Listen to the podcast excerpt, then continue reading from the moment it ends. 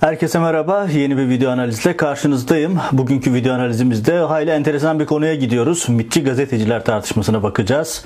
Daha doğrusu soruya farklı bir cepheden yaklaşacağız. Kaç tür MİTçi gazeteci var? Hani gazeteciler içerisinde MİTçiler var mıdır? İstihbarata çalışan var mıdır sorusunu direkt olarak pas geçiyoruz. Var.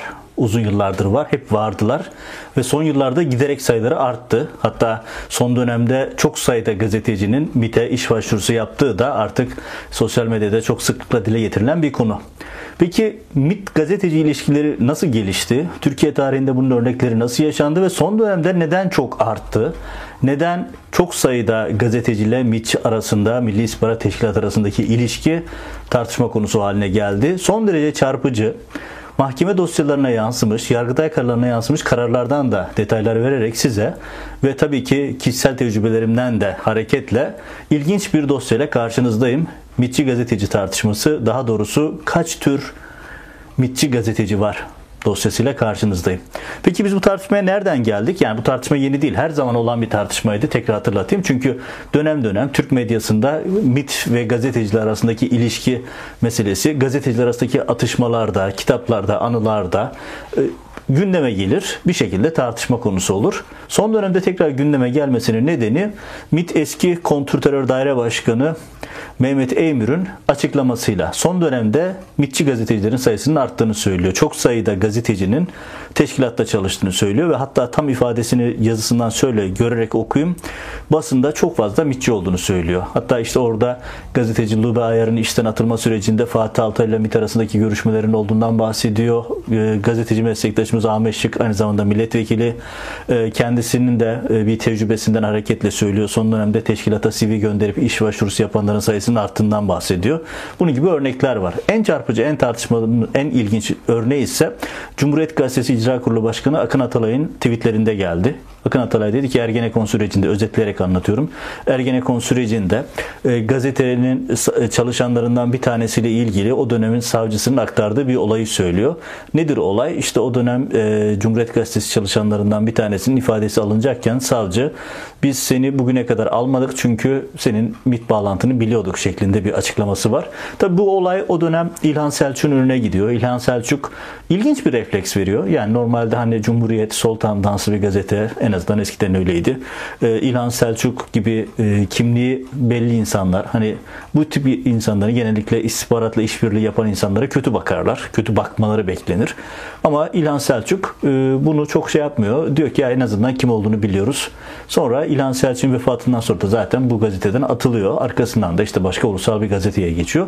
Tabi bu tartışma başlayınca hemen kim olabilir e, tartışması başladı. Kim bu isim ve şu an nerede yapıyor, nerede tartışması gündeme geldiğinde tabi elimizde ipuçları var. Ergenekon sürecinde gözaltına alınan, işte İlhan Selçuk'un ölümünden sonra 5-6 ay sonra gazeteden ayrılan ve bugün başka bir gazetede yazan isim diye böyle parametreleri koyduğunuzda zaten karşınıza iki tane isim çıkıyor. Ve hemen zaten Oda TV başta olmak üzere çok sayıda medya organı bu isim Mehmet Faraç mıydı tartışmasını başlattı. Mehmet Faraç da böyle bir konuya iddiaya cevap vermek istemediğini söyledi ve e, kendisi hala Yeni Çağ'da yazıyor. İlginç bir skala. Cumhuriyetten Yeni Çağ'a geçiş. E, bu da e, başka bir boyutu. Diğer bir örnek işte gazeteciliği bir ayar meselesinde yaşandı. Habertürk'ten kovulma sürecinde MIT'in Fatih Altaylı'ya baskı yaptı. Fatih Altaylı'nın da kendisini kovduğu yönündeki açıklamaları var. Kendisine bu konuda e, Miktat Alpay döneminden kalan bir sorun olduğunu ve kendisine e, bu konunun detayları Mehmet Eymür tarafından anlatılıyor ve hatta orada ilginç bir laf ediyor Mehmet Eymür. Diyor ki ya eğer tekrar medyaya dönmek istiyorsan bir hürriyete bir telefon açmam yeter. Yani bu da tabii bütün ilişkileri ortaya koyuyor. Nasıl yani hürriyete bir telefon açıyor emekli bir mitçi ve bir anda bir gazeteciye kapı açılıyor. Tabii bu ilişkilerin hangi boyutlarda olduğunu göstermesi açısından da enteresan bir nokta. İşte Ahmet Şık'ın dediğim gibi e, milletvekili ve gazeteci meslektaşımızın söylediği şey var. E, son dönemde MIT'e CV gönderip MIT'le çalışmak istediğini söyleyen çok sayıda gazetecinin olması ve yine bu son günlerin tartışması. Şimdi bu özeti geçtim ve şimdi burada bir e, sistematik yani e, videonun ilerleyişine dair bir sistematik e, bilgilendirmesi yapayım. Şimdi MIT'te önce MIT gazetecilerine nasıl çalışır ona bir bakalım. E, sonra örneklere gideceğiz. Bilinen örnekleri. Çünkü öyle ki Hürriyet Gazetesi'nin Ankara temsilci yardımcılığına kadar yükselmiş hayri bir, biriler vardır. Mesela meşhur bir örnek. E, gazetedeki görevini bırakıp MIT'teki görevine geri dönmüştür. Hani MIT'teki görevine geri dönmesi de çok enteresan bir konu. Demek ki medyada çalıştığı dönemde de aslında MIT personeli olarak çalışmaya devam etmiş. Hani normalde MIT personelinin isimlerini deşifre etmek suç ama bu çok aleni bir konu. Zaten deşifre olmuş bir konu olduğu için e, bunu ifade etmekte bir sakınca görmüyorum. Ama e, şöyle aslında e, kaç tane gazeteci MIT'e çalışıyor sorusunun cevabını verebilecek aslında Türkiye'de tek kişi var. Hep böyle olmuştur. O da Hakan Fidan MIT müsteşarı. Neden derseniz çünkü MIT'in çalışma usulü emniyetten, askerden biraz farklı. Çok küçük gruplar halinde çalışılıyor ve küçük grupların bağlantılı olduğu ayrı gruplar var. Yani o kadar çok bölümlere ayrılmış ki bölümler birbirini tanımıyor. Mesela aslında MIT'e çalışan iki gazeteci birbirini bilmiyor. Mesela işte ve ekipler vardır. Mesela Miktat Altay, e, Alpay ekibi vardır. Şenkal Atasagun ekibi vardır. Köksal Sönmez ekibi vardır. Ve böyle ekipler vardır ve bu ekipler birbirine paraleldir. Aslında birbirinden haberleri bile olmaz çoğunlukla. Birbirlerini de bilmezler. Ve bu ekiplerin hangisi iktidara yakınsa ya da o dönemin konjonktürüyle ön plana çıkarsa o gazetecilerin de yıldızı parlar. Mesela şu an Hakan Fidan'ın dönemi, Erdoğan dönemi olduğu için Hakan Fidan'la çalışan gazetecilerin, mitçilerin yıldızı parlamıştır. Onlar medyanın tepe noktalarına gelirler, ekranlara çıkartırlar. Böyle dikey, çok hızlı ve eşyanın tabiatına aykırı kariyer basamaklarına çıkarlar. Bunun örnekleri var. İşte dolayısıyla bu tartışmada hani şunu özellikle söylüyorum. Bu tartışmada mitçi gazeteciler dahil olmak üzere hiç kimse resmin bütününü söyleyemez. Bunu söyleyebilecek tek kişi MİT müsteşarıdır. Çünkü o da MİT'in yapısından kaynaklanır. MİT'in çalışma usulüyle alakalı bir şeydir. Ve e, bunun böyle olması da daha çok işte kadro savaşlarıyla alakalı bir konu. E, mesela eskiden bu tartışmaların e, çok aleni olduğu, çok tartışıldığı konulardan bir tanesi. İşte Fehmi Koru, Ta Kıvanç Müstühar ile yazdığı dönemlerde bu tartışmalara zaman zaman girerdi. Bunun meşhur bir örneği var. Fatih Altaylı ile Tunca Özkan arasındaki kavga. Fatih Altaylı ile Tunca Özkan birbirlerini mitçi olmakla suçluyordu. İşte Fatih Altaylı'nın kod adının siyah olduğu ve zarf aldığı mitten gibi iddialar sürekli dile getiriliyordu. E, Tunca Özkan'la ilgili de bir çok e, benzeri bugün CHP milletvekili çok söylendi. Eski Kanal Türk patronuydu. Ve işte hatta Tunca Özkan'ın yazdığı kitap Mitin Gizli Tarihi kitabı e, ile ilgili e, bütün bilgilerin MIT arşivinden çıkmış olması da bu tartışmada sürekli anlatılan bir konudur. En bilinen isimlerden bir tanesi de 2013 ile birlikte e, Nuh Yılmaz. Kendisi Star Gazetesi'nin dış haber şefiydi. Eski SETA Washington e, çalışanlarından, yöneticilerinden diye yanlış hatırlamıyorsam Washington'da çalışıyordu. Sonra Star gazetesine, iktidarın gazetesine dış haber editörü oldu. Sonra da oradan MIT'e basın daire başkanı olarak geçti. Ve o geçiş dönemiyle birlikte MIT yepyeni bir aşamaya geçti. Şimdi oraya dair biraz sonra size ilk defa duyacağınız çok çarpıcı şeyler anlatacağım. Ona da birazdan geleceğim. Bir de bunun başka versiyonları var. Mesela işte e, aydınlık grubundaki MITçiler var. İslamcı gruplar içerisindeki MITçiler var. Yani şöyle düşünün e, Akit gazetesinin içerisinde en ummadığınız, en alakasız diyeceğiniz kişilerden bile MIT'le irtibat olanlar çıkmıştı daha önce. Bunu Ankara kulislerinde herkes bilir. Hatta gazetecilik değil de orada idari bir görevden daha doğrusu e, bir hizmet sınıfından başlayıp daha başka pozisyonlara geçen insanlar olduğu da hep konuşulur, bilinen bir vakadır. Dolayısıyla genel özetlemek gerekirse MIT ile çalışan gazetecilerin tek tanımını yapmak mümkün değil. Muhabir seviyesinde olanlar var. Mesela işte bunların içerisinde Sabah gazetesindeki bir grup isim çok belirgin. İşte özel istihbarat falan diye bir tuhaf bir isim koydular kendilerine. Orada işte ünlü ünsüz bir sürü muhabir var. Bunlar e, MIT'le o kadar içli dışlılar ki artık kendileri eskiden gazetecilikte MIT'le çalışmak utanç verici bir şey olurdu. Çünkü gazeteciliğin doğasına aykırı bir konu bu. Hani MIT'e çalışmak, istihbarata çalışmak insanlar bunu saklardı. Ortaya çıkarsa utanır, piyasadan kaybolurdu. Öyle bir şey yok. Artık övüne, e, övünerek yapıyorlar bunu. İşte Sabah gazetesi, A Haber bunların en e, pervasızca yapıldığı yerler. İşte hatta işte Berat Box'ta ortaya çıkmıştı görmüşsünüzdür. Ee, Yahya Bostan mesela işte sabahın e, o zaman e, Ankara Haber Müdürüydü. Sonra işte İstanbul'a yayına geçti. Sonra TRT yayın koordinatörü yapıldı. Böyle anormal hızlı yükseliş çok genç yaşında. Mesela onun işte Berat Albayrak'a, Serhat Albayrak'a yaptığı raporlamaların başka versiyonu MİT'e yapıldığı yönünde bilgiler de mevcuttu. Yani böyle çalışan insanlar var. Bir muhabir seviyesinde olanlar var. Bu muhabir seviyesinde olanlar da farklı farklı. Mesela dönemsel muhabirler var. Daima beslenen muhabirler var. Mesela daima beslenen muhabirler ayrı bir konu, dönem muhabirleri ayrı bir konu. Mesela belli dönemde işte Kürt meselesi çok gündemdeyse oradan beslenen bazı isimler var. Mesela bu konuda hemen e, hatırlatayım. E, Kürt meselesiyle ilgili en ilginç e, detay biliyorsunuz e, e, PKK'nın elinde olan e, iki MİT yöneticisi vardı. Gare operasyonu sırasında da biliyorsunuz çok tartışılan bir konuydu bu mesele. Mesela onların ifadeleri var. Hayır ilginç şeyler anlatmışlardı onlar. Mesela bunlar kimdi? Hatırlatalım kim olduklarını. Yanlış ismi söylemek için ekran, e, ekrana bakıyorum.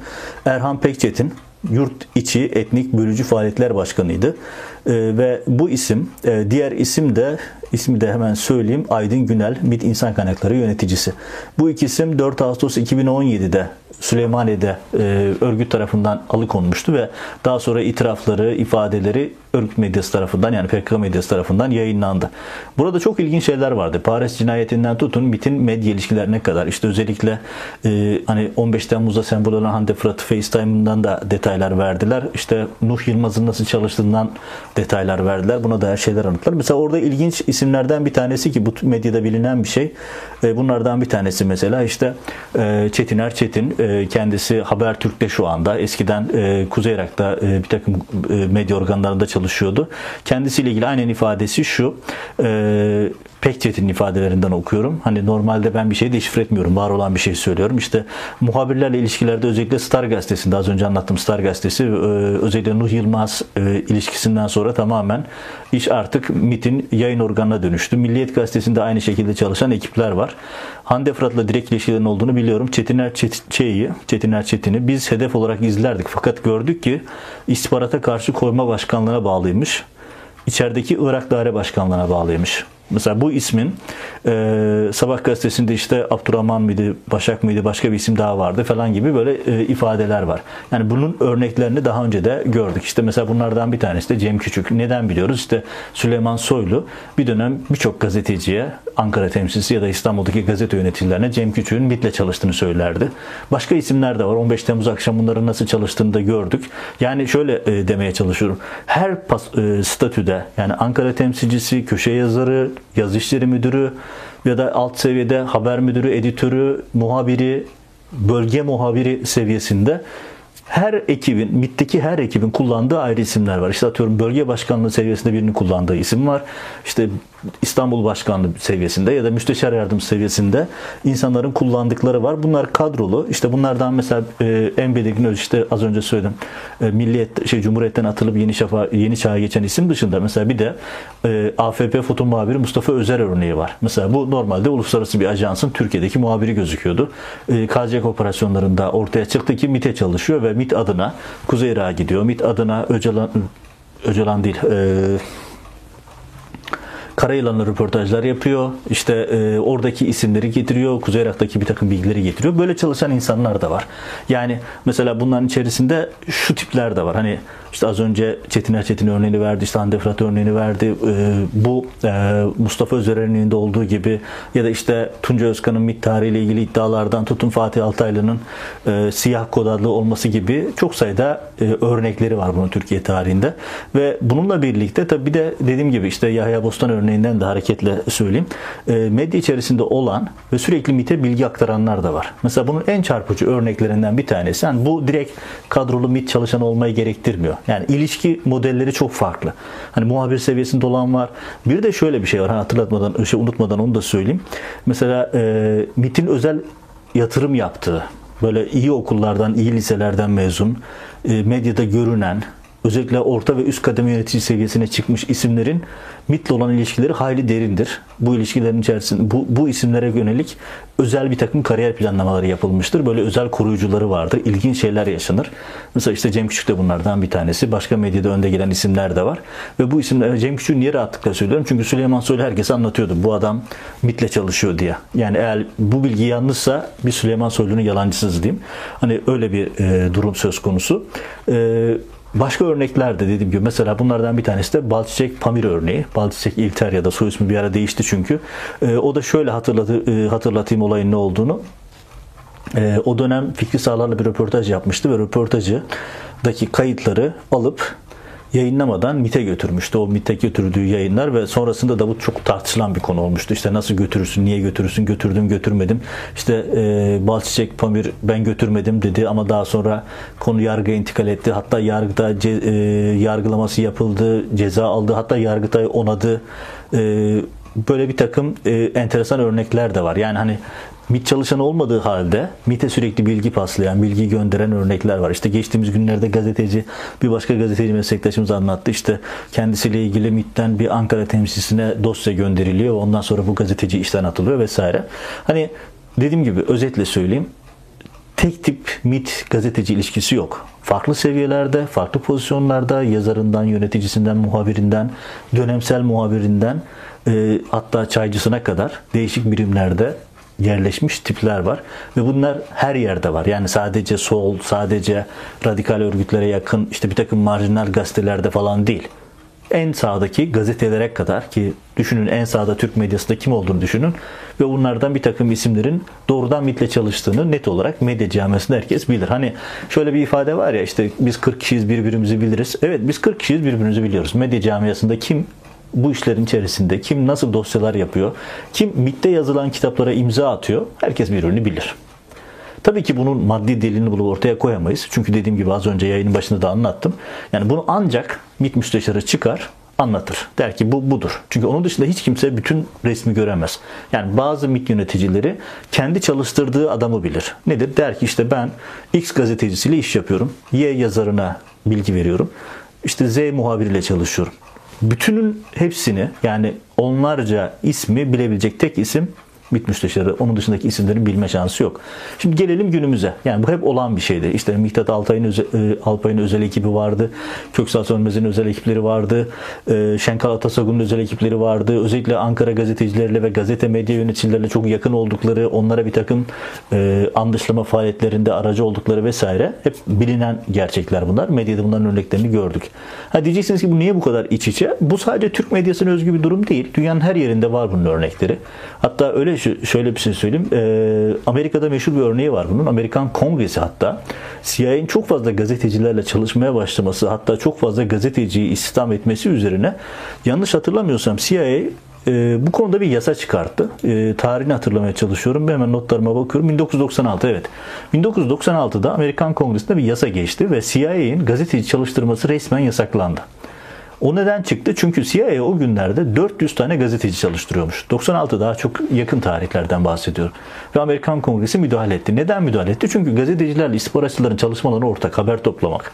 Ve gazetecilerin her yere girmek, herkese soru sormak, her ortama girebilmek gibi bir avantajı var. Dolayısıyla istihbaratçıların iştahını kabartan bir alan gazeteciler bir bilgi alma konusu önemli. iki kamuoyunu yönlendirme konusu çok önemli. Çünkü yazdığınız yazı, konuştuğunuz video, katıldığınız televizyon programı yüz binlerce kişiye ulaşıyor. Bazı kişiler milyonlara ulaşıyor. Dolayısıyla istihbarat örgütlerinin özellikle e, psikolojik harp yapmak isteyenlerin en sevdiği kişiler gazeteciler. Çünkü onları manipüle ettiğiniz zaman onlar üzerinden istediğiniz her şeyi yapıyorsunuz. Dolayısıyla gazeteci istihbaratçı ilişkisi Türkiye özgü bir durum değil. Şimdi gelelim bugüne çok uzatmadan Erdoğan Türkiye'sinde neler oluyor ona geleyim. Erdoğan Türkiye'sinin en ilginç tarafı şu. Hani Nuh Yılmaz işte e, Star Gazetesi'nin yöneticisiydi. Daha önce de iktidarın düşünce kuruluşu olan SETA'nın yöneticisiydi.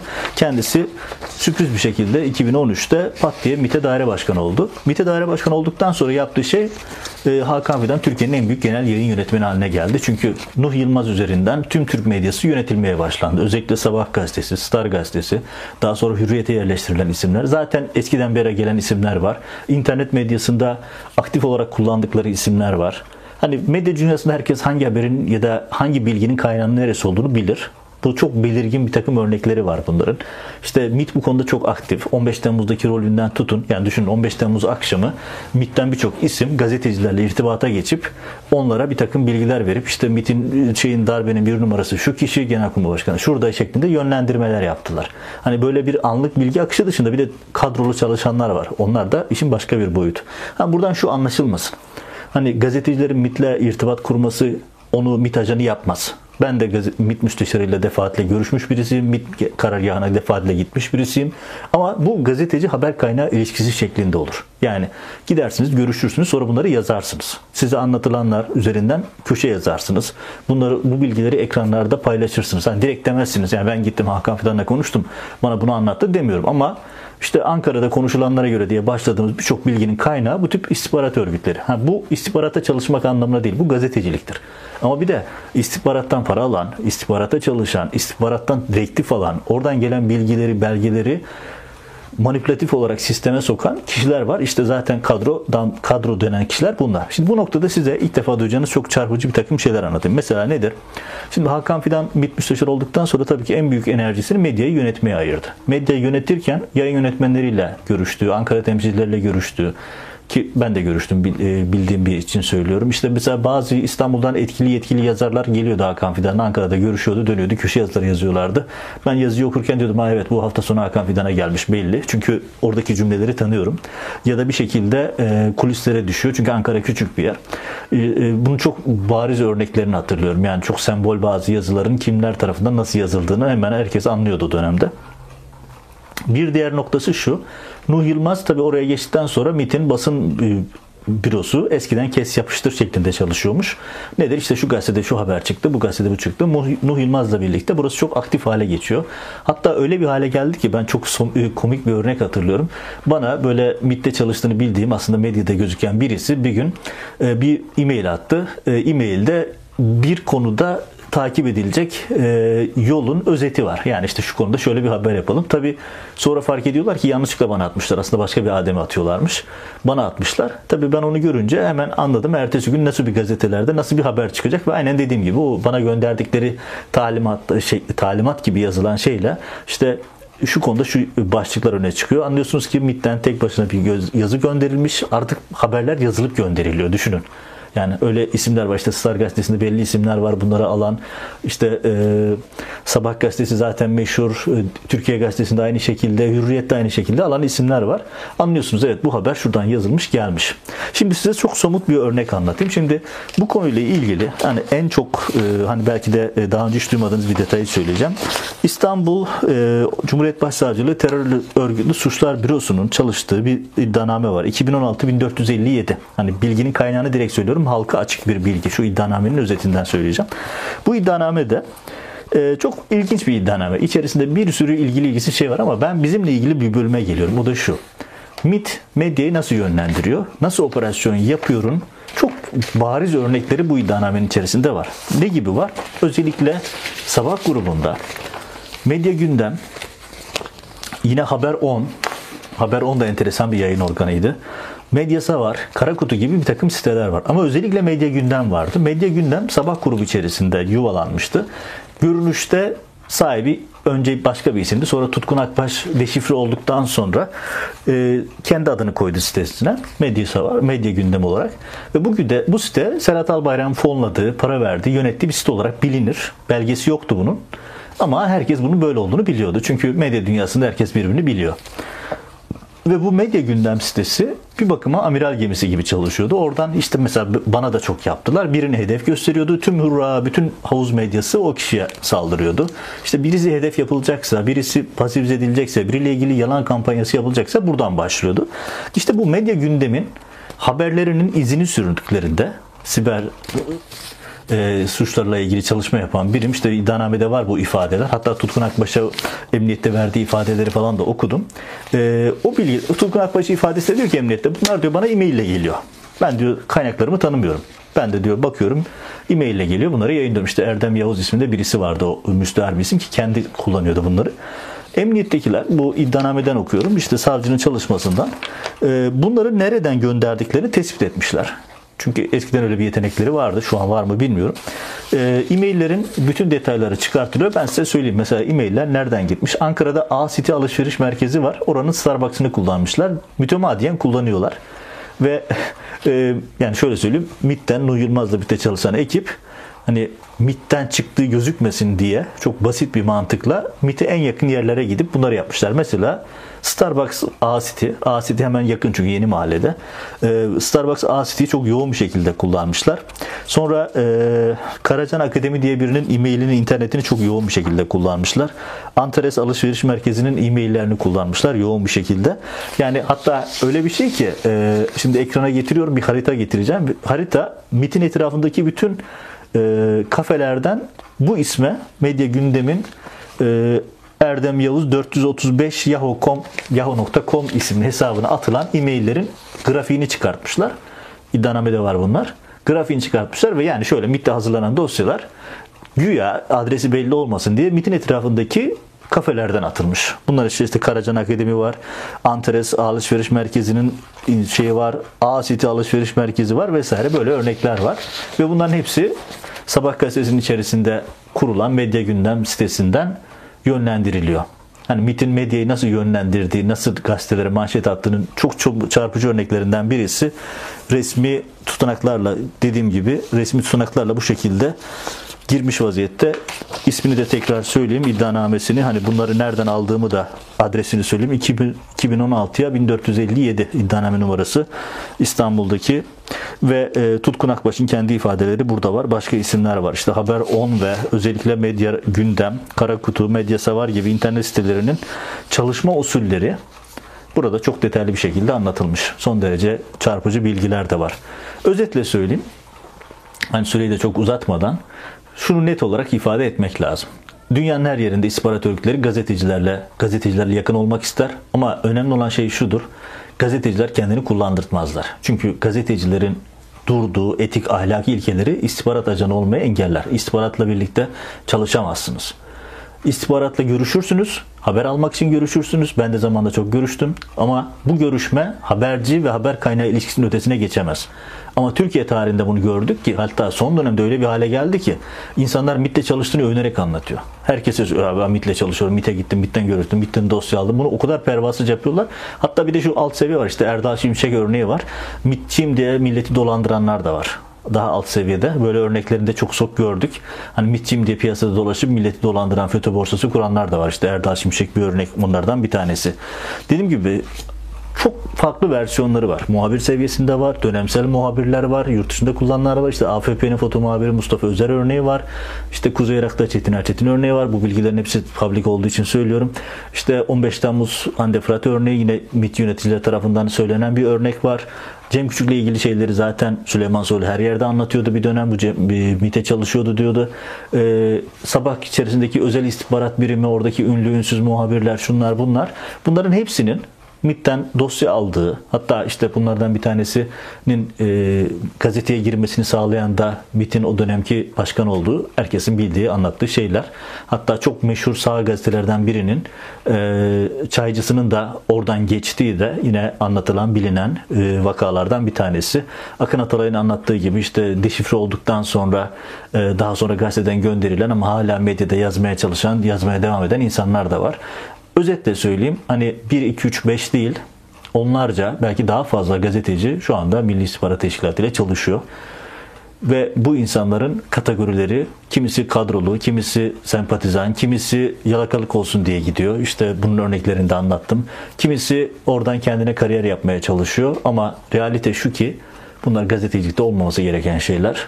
Gazeteci haber kaynağı ilişkisinin sınırları çok nettir burada kalınmak gerekir. Eğer istihbaratçı olacaksanız bırakın gazete işte hayır birilerinin yaptığı gibi Hürriyet e, temsilci yardımcılığını bırakıp gidip MİT'te tekrar bölge başkanlığı, Diyarbakır bölge başkanlığında başlamıştı. Ya da Nuh Yılmaz gibi gazeteyi bırakıp gidip MİT'te görevinize dönebilir ya da orada çalışabilirsiniz. Bunu yapmakta fayda var. Öbür türlüsü etiken, ahlaken doğru değil. Hani bu tartışmayı dediğim gibi bitirebilecek tek isim var şu anda o da Hakan Fidan. Çünkü onun dışındaki hiç kimse MIT'in çalıştırdığı gazeteciler listesini bir bütün olarak görme şansına sahip değil.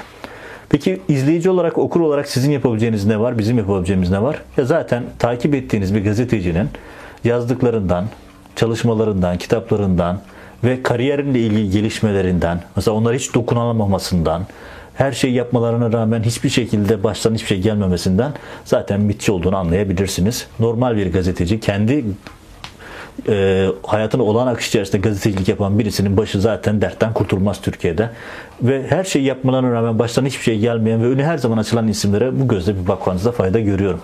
Evet, e, bugünkü videoda e, somut verilerden, daha önce ortaya dökülen bilgilerden, e, suç oluşturmayacak şekilde çünkü biliyorsunuz MİT yasası çok ağır. Olabildiğince e, daha önce kamuya dökülmüş isimlerden ve kendi tecrübelerimden ve iddianame e, örneklerinden hareketle size Türkiye'deki MİTçi gazeteciler vakasını özetlemeye çalıştım. Okuduğunuz, izlediğiniz insanlara bu gözle bakmanızda fayda var. Önümüzdeki yayınlarda görüşmek üzere.